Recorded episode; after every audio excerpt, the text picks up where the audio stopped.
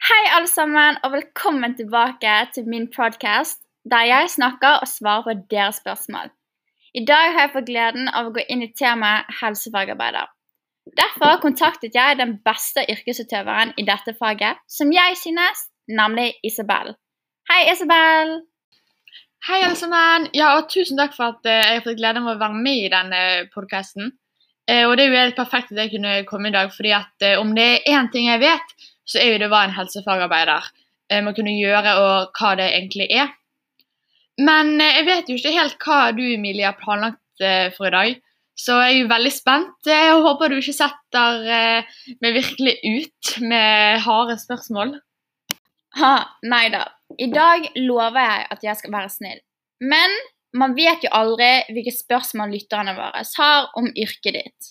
Så jeg tenker vi begynner med enkle spørsmål. Eller hva, Isabel? Ja, Det er jeg helt enig i.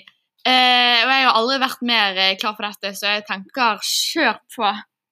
Ja, eh, det første spørsmålet jeg tenker å spørre deg om, er hva det vil si å være profesjonell yrkesutøver i helsefaget.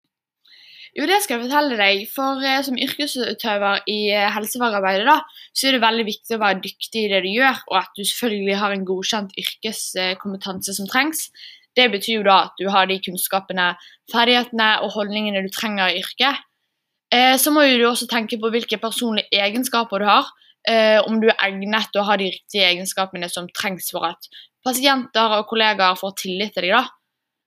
Og selvfølgelig andre måter å være profesjonell på, det er jo at du må alltid komme tidsnok, ha riktig utstyr, komme på jobben med riktige klær, ha en god personlig hygiene.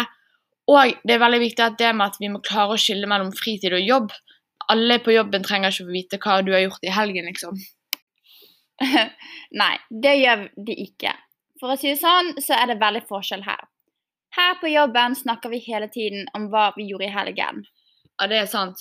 Men eh, det er jo stor forskjell å drive med podkast eh, enn å drive med yrket jeg er i, da. For vi har jo eh, taushetsplikt. Ja, det stemmer jo, for dere har jo taushetsplikt. Hva betyr det, og hva skal det egentlig si? Eh, jo, taushetsplikt det betyr jo da at du har et eh, forbud eh, mot å røpe opplysninger og informasjon om andre brukere, pårørende og kollegaer. Eh, og en lett måte å forklare hva taushetsplikt er, jo, kan jo rett og slett være krav til å holde munn.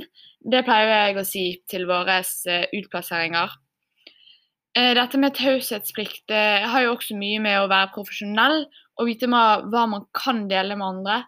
Eh, I hvert fall på sin fritid og jobben. For på jobb skjer jo det hendelser og enkelte episoder som man ikke skal deles med andre. Oi, du kunne jo sykt mye om dette her, da. Ja, det stemmer. Men uh, nå har jo jeg da studert dette lenge.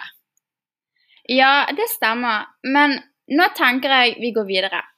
Så det tredje spørsmålet er hvilke holdninger man trenger i yrket.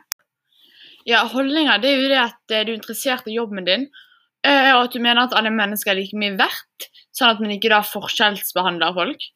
Eh, Og det å ha et hel, helhetlig menneskesyn, det betyr da at både det fysiske, psykiske, sosiale og åndelige blir sett på som en enhet. Det er jo veldig mye nyttig informasjon du forteller meg. Eh, så du vet jo kanskje hva kunnskap og ferdigheter er, da?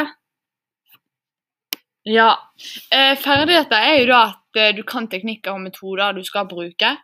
Du klarer å kommunisere godt og har god dømmekraft når du skal vurdere ulike situasjoner. Og møte brukeren med empati. Også kunnskaper eh, er jo da at du har kunnskap i arbeidsoppgavene og ansvaret du har i yrket ditt.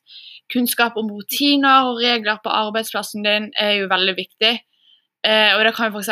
Eh, på kunnskaper, da, det er jo f.eks. at du vet hvordan man skifter sårstell, setter sprøyter, eller hvordan vi skal klare å dusje.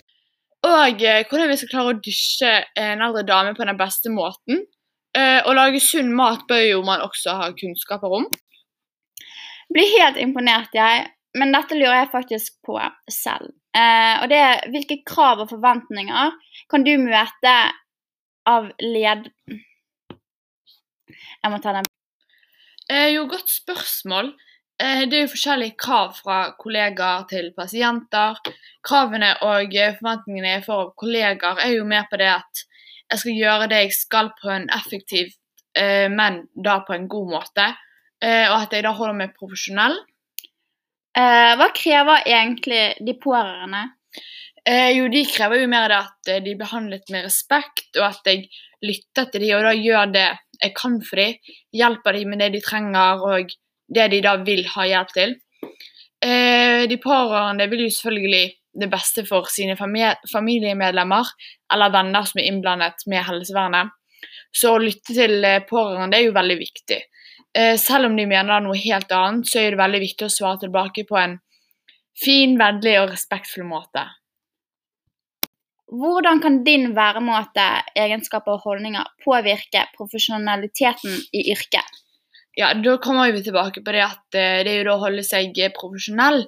Men jeg kan jo innrømme at eh, en av mine egenskaper er jo at jeg er veldig åpen og pratsom. Jeg snakker og babler i vei hele tiden. Og da må jeg eh, rett og slett bare skjerpe deg eh, til meg selv. Fordi av og til så blir det rett og slett for mye prating om andre ting enn det man bør prate om.